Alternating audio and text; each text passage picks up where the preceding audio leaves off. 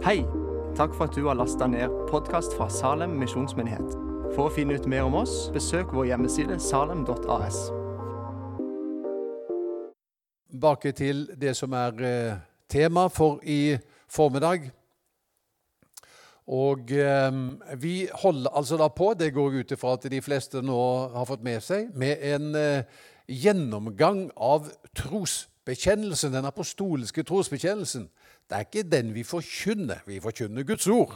Men eh, leddene i den apostoliske trosbekjennelsen det er sentrale elementer i den kristne tro som har samlet troens folk gjennom 1500-1800 år. Den apostoliske trosbekjennelsen er eh, en gammel trosbekjennelse. Dette er vår felles plattform. Dette er vår tro. Og jeg tror det er viktigere enn noen gang at vi gjør som vi gjorde i stad, Øystein, at vi bekjenner vår tro for hverandre og for makter og myndigheter faktisk også. Dette er det vi står på. Dette er vår, vårt narrativ. Dette er vår historie, vår tro. Så da er vi kommet til det leddet i trosbekjennelsen som heter 'unnfanget ved Den hellige ånd', født av jomfru Maria.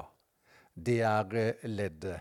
Og eh, jeg har laget en overskrift, som du ser her. 'Jesus sann Gud og sant menneske'. Vi skal lese bibelteksten.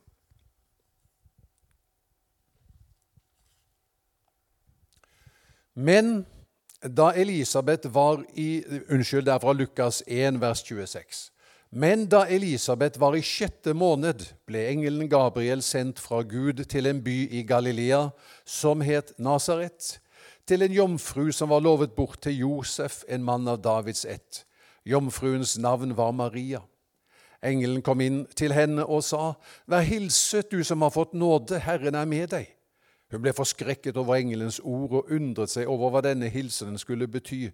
Men engelen sa til henne, Frykt ikke, Maria for du har funnet nåde hos Gud. Hør, du skal bli med barn og føde en sønn, og du skal gi ham navnet Jesus. Han skal være stor og kalles den høyeste sønn, og Herren skal gi ham hans far Davids trone. Han skal være konge over Jakobs hus til evig tid. Det skal ikke være ende på hans kongedømme. Maria sa til engelen, Hvordan skal dette kunne skje når jeg ikke har vært sammen med noen mann? Engelen svarte, den hellige ånd skal komme over deg, og den høyestes kraft skal overskygge deg. Derfor skal barnet som blir født, være hellig og kalles Guds sønn. Og hør, din slektning Elisabeth venter en sønn, hun også, på sine gamle dager. Hun som de sa ikke kunne få barn, er allerede i sjette måned. For ingenting er umulig for Gud. Da sa Maria, se, jeg er Herrens tjenestekvinne. La det skje med meg som du har sagt. Så forlot engelen henne. Amen. jeg skal ordne med litt vann, bare, og så skal vi be en kort bønn.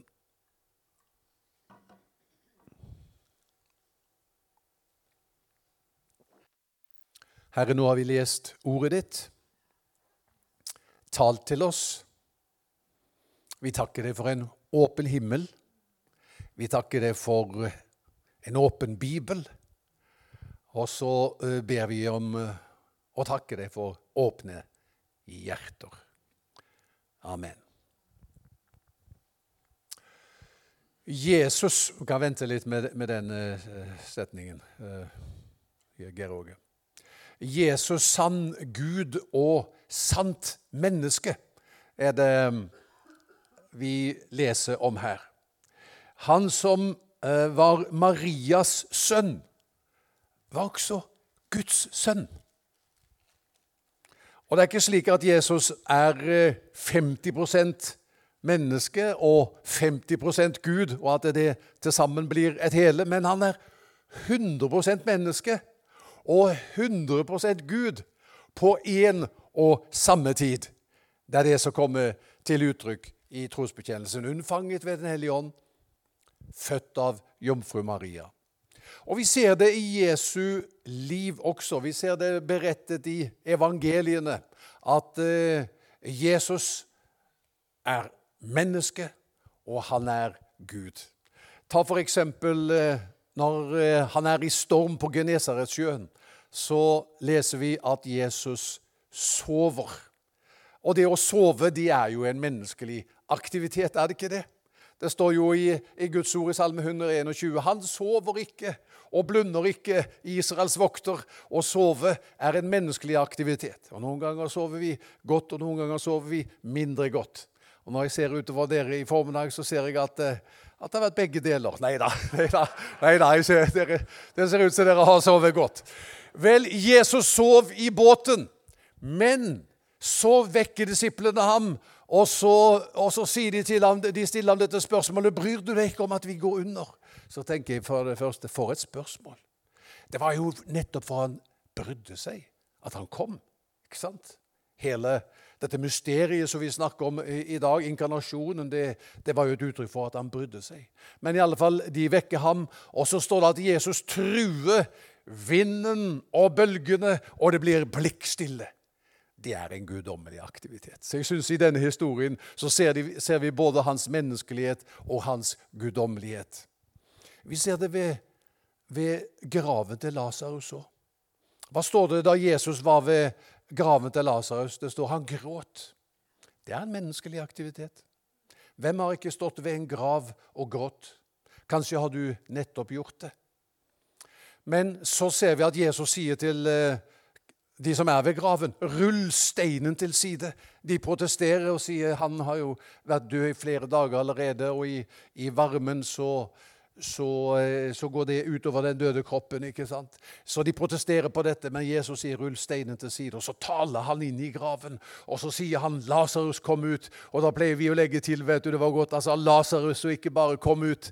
For hadde han sagt 'kom ut', så hadde alle som var døde, kommet ut. Men, men han sier 'nå gjelder det bare Lasarus'. Lasarus kom ut. Det er en guddommelig aktivitet. Så jeg tenker vi ser det i evangeliene igjen og igjen. Hans menneskelighet og hans guddommelighet. Sann Gud, sant menneske. Nå er det noen som sier det, da, og der har vi den uh, setningen som, uh, som kommer på veggen nå, ja. Og Nå forstår jeg dette her, så jeg ser ting på den skjermen. Ikke sant? Som ikke du viser dem. Så vi har noen hemmeligheter, vi underveis her. Sånn er det. Forstår dere det? Det er en skjerm der som jeg ser på, som ikke du nødvendigvis ser. Men her er altså da dette spørsmålet en fornærmelse av intellektet. Er det sånn at jomfrufødselen Noen mener det. Eh, er en fornærmelse av intellektet. Det var jo en kjent kar, han heter Richard Dawkins. Eh, kanskje fikk du det med deg på nyhetene. I forrige uke så, så døde denne kjente vitenskapsmannen. og han Ehm, var jo kanskje en av Vestens fremste ateister. Og han sa det at ta, Si feil nå. Å oh, ja. Unnskyld. Tenk, nå, eh, nå kom jeg skjevt ut på hoppkanten, kjente jeg. Det var godt at jeg hadde noen som, eh, som, som retta meg der.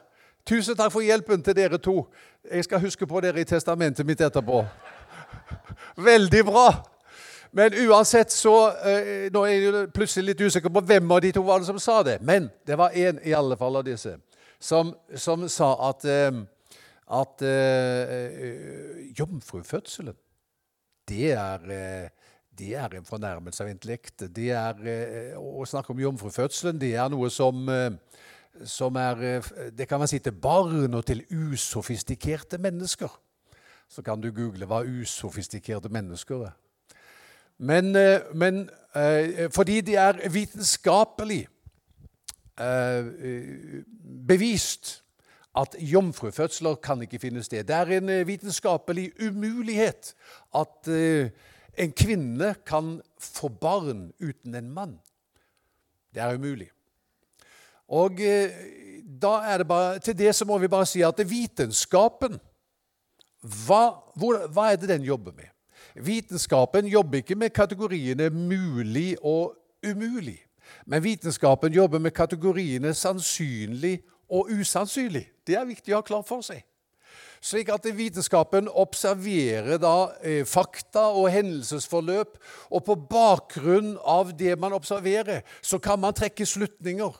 Og så, så kan man si at eh, faktisk talt, nå har vi eh, sett at det har eh, vært en trillion kvinnefødsler, barnefødsler, mener jeg, og kvinner kan ikke føde eh, barn uten en mann. Derfor er det en, eh, en vitenskapelig lov, det er en naturlov, at det, det må være en mann med for at det, et barn skal bli født. Det kan vi si. Og vitenskapen kan da si at det er overveiende usannsynlig at en jomfrufødsel kan finne sted. Fordi man vurderer ut ifra et hendelsesforløp og trekker slutninger på bakgrunn av det. Så det er greit. Men man snakker om sannsynlig usannsynlig, ikke mulig umulig. Og det er da én faktor som vitenskapen ikke regner med. Og den faktoren, det er det som eh, vi bekjenner i den første trosartikkelen. Jeg tror på Gud, Fader, den allmektige, himmelens og jordens skaper. Den faktoren, som heter den allmektige Gud, regner jo ikke vitenskapen med. Hvordan er da eh, universet som Gud har skapt? Ja, vi, vi, skal jo ikke ha lest mye om det før vi aner at det, her er det voldsomme dimensjoner. Jeg leste at eh, langt unna oss, 30 millioner lysår unna, finnes det en galakse som heter Whirlpool-galaksen. Ja, 30 millioner lysår unna. Og hva er et lysår? Ja, det er den avstand som lyset i løpet av et eh, år tilbakelegger. Og eh, lyset det reiser med en hastighet av 300 000 km i sekundet. Tenk på det. Så 30 millioner lysår unna en hastighet på 300 000 km i sekundet, 30 millioner sånne lysår. Der har du Whirlpool-galaksen. Det er langt.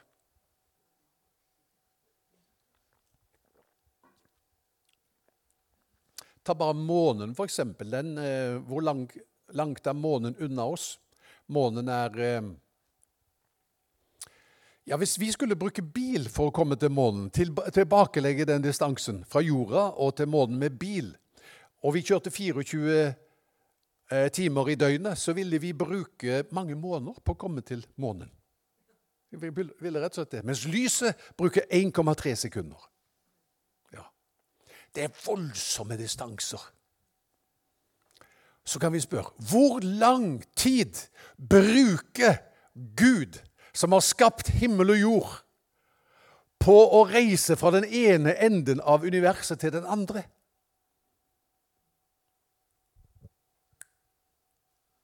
Ja, det er sånn. Han er allestedsnærværende.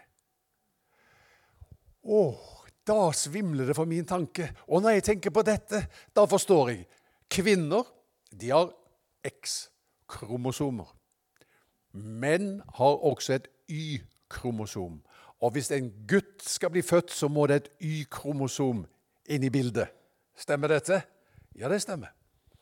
Da tenker jeg den Gud som har skapt dette universet, dette voldsomme universet, og er til stede i det hele, kan det tenkes at han kan skape et Y-kromosom i Marias mage? Jeg tenker det kan jeg tro. Det får jeg plass til i min tro, at denne Gud kan det. Så da tenker jeg at, eh, at eh, det er faktisk mulig å tro at jomfrufødselen er en historisk virkelighet, også i vår vitenskapelige alder. Men så er det noen som sier men bibelforskningen setter jo også spørsmålstegn ved jomfrufødselen.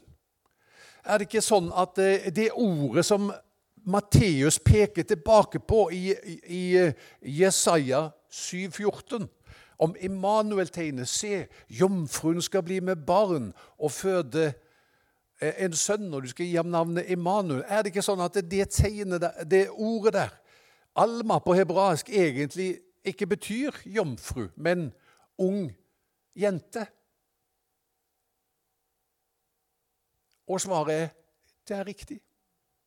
Det betyr egentlig ikke jomfru, men ung jente. Det, det, det hebraiske ordet i Jesaja 7,14, som den greske oversettelsen oversatte jomfru, riktignok. Men det hebraiske ordet det betyr ung jente. Så, så hvordan kan vi da Hva kan vi tenke om det? Det vi kan tenke om det, det er følgende at en ung jente i en hebraisk kultur var jomfru. Jo, det finnes et annet ord for jomfru enn ung jente, men en ung jente var jomfru. Var hun ikke jomfru, hva var hun da? Da var hun prostituert. Så på den måten så kan vi skjønne at det, her er ikke den der avstanden så stor likevel. Den unge jenta er en jomfru. Ja, men så er det noen som sier det er bare eh, Lukas og Matteus som omtaler jomfrufødselen. Og da er det vanskelig å tro på det. Er det ikke det? Jeg mener, Paulus snakker ikke om jomfrufødselen. Og ikke Matteus og Johannes heller. Eh, ikke Markus og Johannes heller. Kan vi tro på jomfrufødselen da? Ulf han, eh, han mener vi kan det. Vet du hva mitt svar på det er? Skal du høre? Hvor mange ganger må Gud si noe for at det skal være sant? Tenk litt på den. Hvor mange ganger må det sies for at det skal være sant? Jeg tenker Hvis Gud sier noe, så er det nok for meg at han sier det én gang. Da er det sant. Og han har sagt det mer enn én gang. At det var jomfruen som ble med barn. Så jeg tenker som så Det vi her er vitne til, det er at Gud griper inn i den verden som han har skapt. Jomfrufødselen. Gud griper inn i den verden som han har skapt, og så gjør han et under. Han gjør et mirakel. Jesu fødsel er et under. Jesu himmelfart, hans oppstandelse og himmelfart, er et under. Og livet hans er et under. Så hvis vi sier at vi kan ikke tro på under, hva sier vi da? Da, da tar vi bort mye fra, eh, fra, Bibelen. Er du enig? Skal vi bruke saks og klippe bort alt det som er eh, mirakuløst, og det som har med under å gjøre? Da er det ikke mye igjen nødvendigvis. Så det som skjer når Gud eh, griper inn i vår verden og gjør et under, det er at han eh, kom over en definisjon på under som lyder som så Et under en mindre vanlig gjerning av Gud. Så jomfrufødselen da, det er en mindre vanlig gjerning av Gud. kan vi si. Det vanlige er at eh, det skal en mann til. Og Derfor ser vi også at Maria hun stusser over dette når engelen kommer til henne med dette budskapet. Og hun sier jo nettopp 'Hvordan skal dette kunne skje når jeg ikke har vært sammen med noen mann?' Og så svarer engelen, 'Den hellige ånd skal komme over deg, og den høyestes kraft skal overskygge deg.' Og sånn skjer det. Ja. Så det er det. Så heller enn at det er eh, en fornærmelse av intellektet, vil jeg si, så er dette budskapet et fantastisk budskap som er fullt av nåde, fullt av trøst, og det er fullt av håp. Og La meg ta det i tur og orden. For det første, det er et budskap som er fullt av nåde.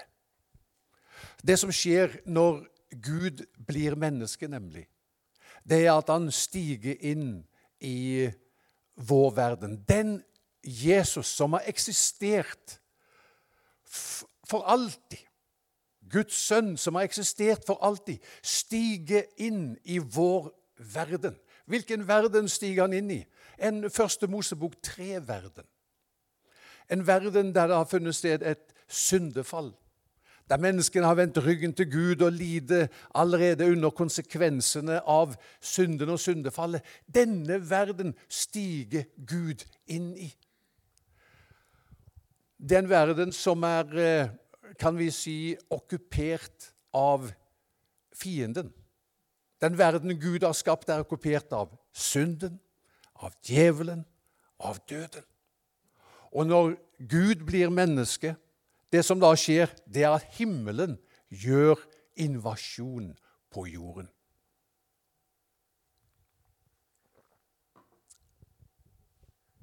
Han stiger inn i vår verden for å befri oss ifra det som vi var fanget unna. Vi har det i, 40, i Salme 40. Der sier David det slik.: Jeg ventet og håpet på Herren. Da bøyde han seg til meg og hørte mitt rop. Han dro meg opp av, den, av fordervelsens grav, opp av den dype gjørmen, og satte mine føtter på eh, en klippe, gjorde mine trinn faste. Det som skjer i inkarnasjonen, når Gud blir menneske, det er at Gud kommer inn i vår verden og blir skitten på hendene. Skal vi si det sånn? Han, der er du og jeg. Vi er i den vi er i fordervelsens grav. Vi er i den djupe gjørmen, og Gud kommer inn i vår verden og løfter oss opp av fordervelsens grav. Opp av den dype gjørmen, blir selv skitten på hendene, tar del i vår smerte for å fri oss ut og sette oss på klippet. Det er det som skjer i inkarnasjonen. For et budskap fullt av nåde. Sånn kan du vite at uh, uansett hvilken situasjon du er i akkurat nå også, så er han der og vil hjelpe deg av fordervelsens grav, opp av den dype gjørmen. Han vil sette føttene dine på en klippe, gjøre trinnene dine faste. Inkarnasjonen det er et budskap fylt av nåde. For det andre er det et budskap eh, så fullt av trøst. For det vi eh, ser her, det er det at eh, Gud han blir en av oss. Han forstår hvordan vi har det. Indianerne har jo et ordtak de sier at det, det, du må ikke dømme et annet menneske før du har gått i mokasinene til dette mennesket. Og det som vi kan si, det er det at Gud han vet hvordan vi har det. Han har gått i våre mokasiner. Jeg, eh, som ganske ny kristen eh, Jeg ble jo frelst på slutten av eh, Jesusvekkelsen, egentlig, på 70-tallet. Så husker jeg fikk en gateavis i hånda. Var, vi var jo mye på gata i den tida der. Og, de, og snakket med folk og delte ut traktater, og også gratisaviser. Så husker jeg fikk en sånn gratisavis. Og der leste jeg eh, følgende eh, lille historie, da. Og jeg bare gjenforteller den sånn som jeg husker den nå. Eh, hvor det er noen mennesker som er samlet i et rom, som har hatt det tøft i livet. Og de sier at eh, eh, Ja, det var en som var jøde. Det var en som, som var, hadde levd hele livet i dyp fattigdom. Det var en som hadde blitt utsatt for tortur. Det var det ulike former for vanskeligheter og trengsler de hadde gått igjennom. En hadde vært utsatt for et justismord osv. Og, og så samtaler de sammen om livet, og så sier de Gud lever sannelig et beskyttet liv. Han er i himmelen. Og her er vi på jorden. Se hva vi har gått igjennom. Gud burde ha fått prøve hvordan det er å være menneske. Ja, det var de alle enige om. Eh, vi La oss få dette ned på papiret. Si. La oss gi en klar melding ut. Gud burde prøve hva det vil si å være menneske når det er skikkelig tøft. La han bli født som jøde, var det en som sa. Og de andre var enige. Ja, la han bli født som jøde. La han bli født utenfor ekteskapet, var det en som sa. Absolutt. La det rå tvil om hvem som egentlig er faren hans. Ja, de var enige i dette. La han eh, få lov å erfare hva det er å være flyktning. Må han flykte fra landet sitt? Eh, må han leve som immigrant i et annet land? La han siden vokse opp under en eh, okkupasjonsmakt.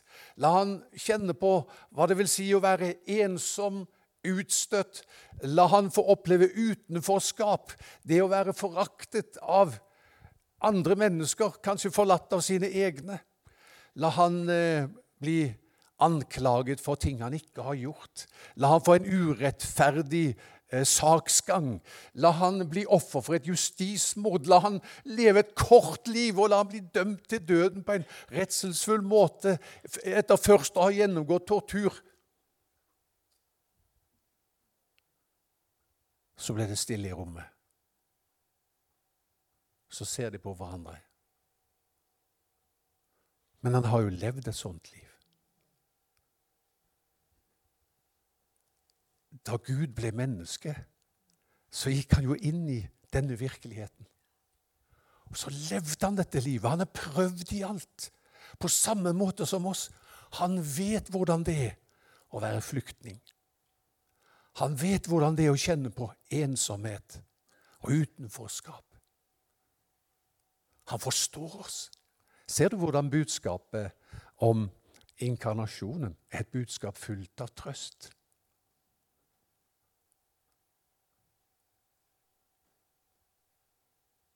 Til slutt det er også et budskap fullt av håp.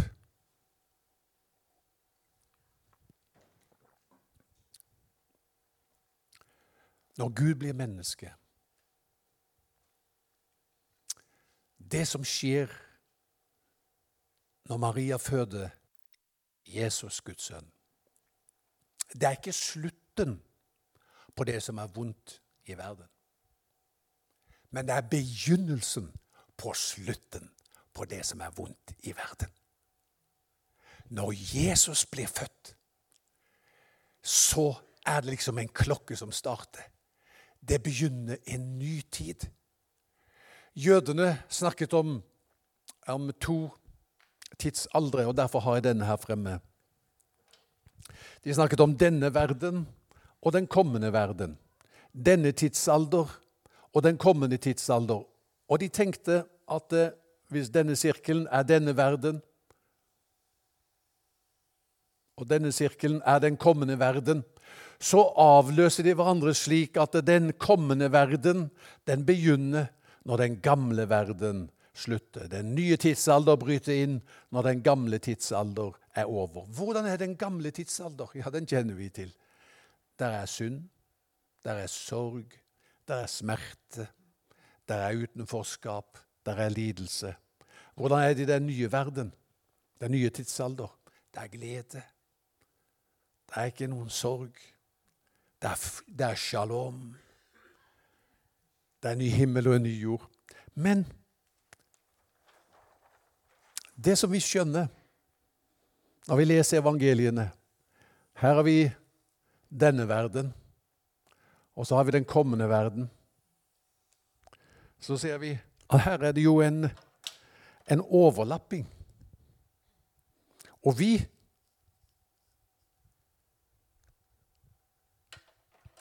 Vi lever der.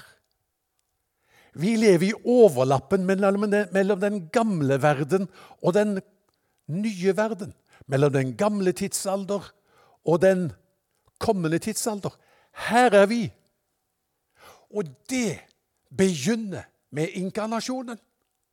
Når Maria føder Jesus, det er ikke slutten på det vonde, men det er begynnelsen på slutten på det som er vondt. Og nå har Guds rike trådt inn i vår virkelighet. Så vi kan si om Guds rike følgende Guds rike det er der hvor Guds vilje skjer, ikke sant?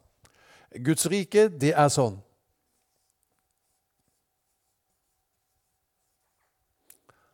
allerede nå.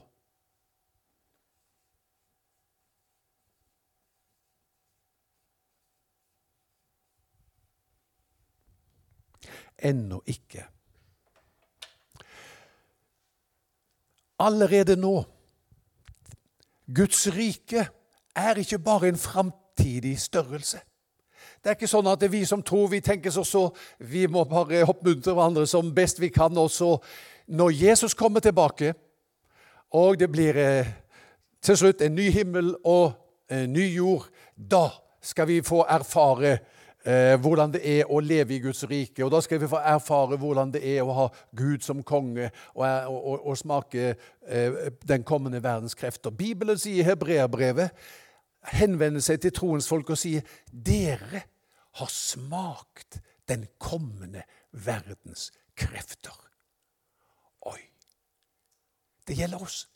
Du har smakt den kommende verdens krefter. Allerede nå har den, har den nye tiden brutt inn. Framtiden har begynt. Det var det som skjedde da Jesus ble født. Da begynte framtiden. Jeg husker jo da jeg var ung evangelist. Jeg begynner å bli en stund siden. da. Og så kjørte jeg gjennom av alle steder, det er ikke viktig i det hele tatt, men jeg kjørte gjennom Askim i Østfold. Og så kjørte jeg forbi en bilforretning, og hvis det var kanskje da i 19... Um, hva kan det ha vært? Kanskje det var i 1980. Så sto det på denne bilforretningen så sto det, dette var høsten 1980, så sto det med svære bokstaver 1981 er her, sto det. 1981 er kommet.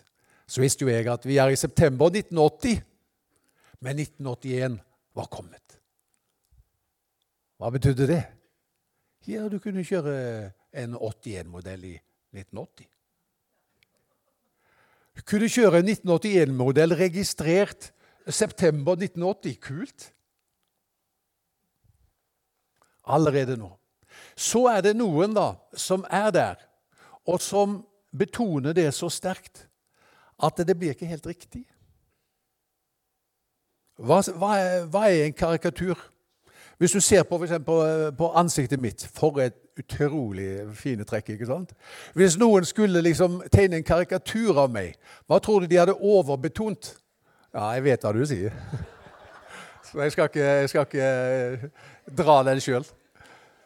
Men jeg har en viss mistanke om hva de ville overbetont. Og da tar man noe som er der, og så lager man det enda litt større, kan du si. Og så blir det feil, fordi det er ikke en nøyaktig gjengivelse. Det er en karikatur. Man overbetoner det. Og sånn går det an å ta dette som, er et nydelig budskap, som Jesus sier Guds rike er kommet nær. Og så kan man si det så sterkt, og så er det mange ting man ikke sier. Og så blir summen av dette at det, det blir ikke helt riktig. Fordi man glemmer at det, den gamle verden eksisterer enda. Er det riktig at den gamle verden eksisterer enda? Er det sorg og lidelse og synd og djevel og død? Den gamle verden eksisterer enda. Men og den nye verden er ikke kommet helt ennå, for det er, ikke, det er ikke ny himmel og ny jord ennå. Men den nye verden har brutt inn. Det er det som er budskapet.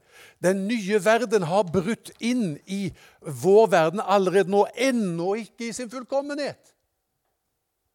Og Derfor lever vi med mange ubesvarte spørsmål, og vi har ikke løst lidelsens gåte. Det er mange ting som ikke er på plass ennå. Og vi vet denne verden er ikke vårt hjem. Det vet vi. Men vi vet at allerede nå så er han her. Og han som kom over Maria, altså Den hellige ånd skal komme over deg, og den høyestes kraft skal overskygge deg. Han er her i dag. Og så sier han det er håp. Du tenker som så at eh, Nei, nå er jeg kommet altså, Jeg ser ingen muligheter lenger. Det er ikke noen vei for meg når jeg ser ingen Det er ikke håp. Det er bare en svarte natta og fortvilelse. Kanskje du tenker.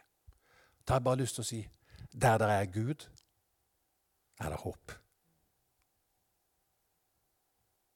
Der det, der det er Gud, er det enda muligheter.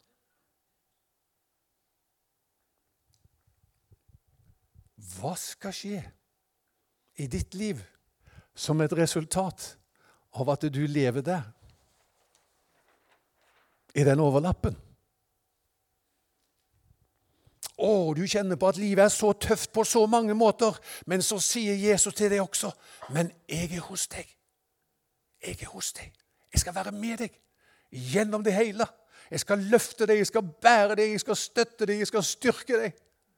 Noen skal kanskje oppleve en dramatisk, et dramatisk under. Hva var et under? Husker du det? Det er en uvanlig, mindre vanlig gjerning av Gud. Det, er, det håper vi skal høre. Mange historier på fremover. Hadde ikke det vært fantastisk? Mange historier fremover. Mindre vanlige gjerninger av Gud. Men det kan ha en annen karakter også, der du kanskje ikke får eh, et, et, et tydelig svar på det som du egentlig lengter etter. Men han sier til deg, inntil det skjer, skal jeg holde deg oppe.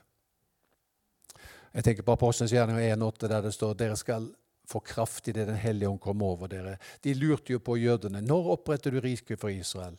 Og så sier Jesus um, det tilkommer ikke dere å vite dager og tider som en far har fastsatt av sin egen makt. Men dere skal få kraft. Det tilkommer dere idet Den hellige ånd kommer over dere. Altså, når skjer dette? Når skal vi få svar på denne bønnen?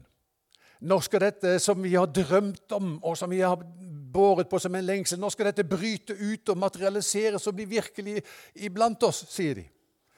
Og så sier Jesus ja, tidspunktet det er det bare far som vet. Men inntil det skjer, skal jeg holde deg oppe, og du skal få kraft av Den hellige ånd. Jeg skal bære deg og støtte deg og styrke deg. Tida går fort. I godt selskap. Nå skal vi be.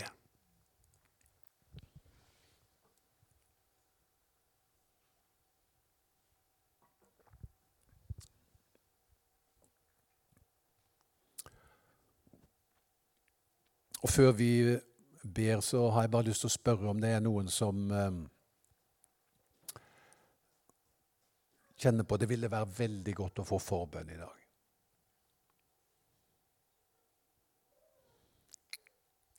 Da kan du få lov å rekke opp en hånd, og så skal vi som menighet Jeg kan lede i bønn, men da er hele menigheten med. Gud velsigne deg. Gud velsigne deg. Er det noen flere som Gud velsigne deg og, og deg og Gud velsigne deg. Og du, Gud velsigne deg. Gud velsigne dere. Det er ganske Gud velsigne dere. Er det noen flere? På min høyre Gud velsigne deg der nede. Det er mange. Gud velsigne deg. Enda noen før vi ber? Gud velsigne deg. Og du òg.